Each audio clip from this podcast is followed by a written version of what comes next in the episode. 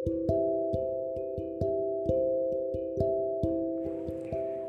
guys, di sini gue mau cerita sedikit nih tentang seseorang yang direndahkan atau diremehkan. Sebenarnya, kalian pernah gak sih merasa direndahkan oleh orang lain? Kalau gue sih jujur pernah. Saat kalian diremehkan dan direndahkan, kalian jangan merasa sedih dan putus asa. Justru kalian harus buktiin kalau kalian itu hebat. Dalam hidup ini, gak semua orang mau ngerti keadaan. Ada aja orang yang memandang rendah terhadap kalian. Diremehkan emang pengalaman yang bikin sakit hati sih menurut gue.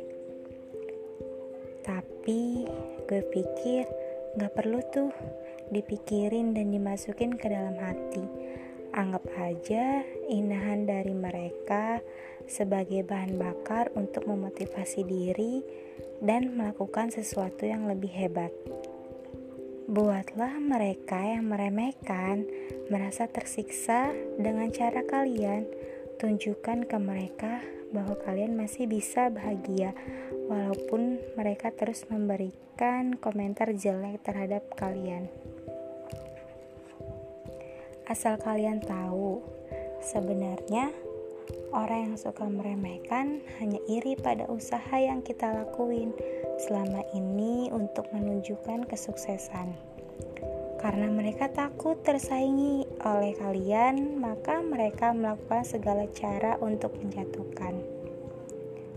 Padahal banyak cara yang bisa kita lakuin loh saat kita diremehkan mulailah bersikap cuek dan gak peduli.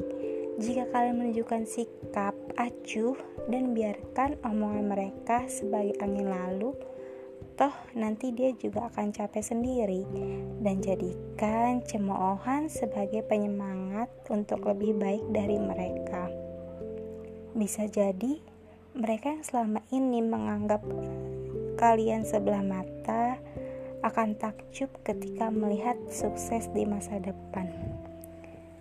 Hidup di dunia hanyalah sebentar.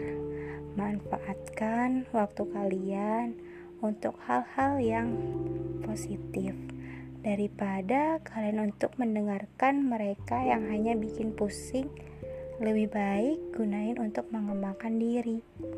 Pesan dari gue buat kalian, percayalah roda kehidupan itu berputar. Hadapilah semua ujian dan tantangan dengan senyuman dan hinaan yang menimpa lo. Toh, lo tidak akan selamanya dihinakan dan juga tidak akan selamanya dijatuhkan.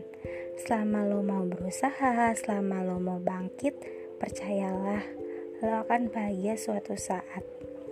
Teruslah berpikir positif pada nasib. You can do it guys. Mungkin hanya ini yang bisa gue sampein buat kalian yang mau tahu lagi tentang cerita-cerita lainnya. Bisa dengerin di podcast gue selanjutnya. Semoga cerita ini bermanfaat buat kalian. See you guys.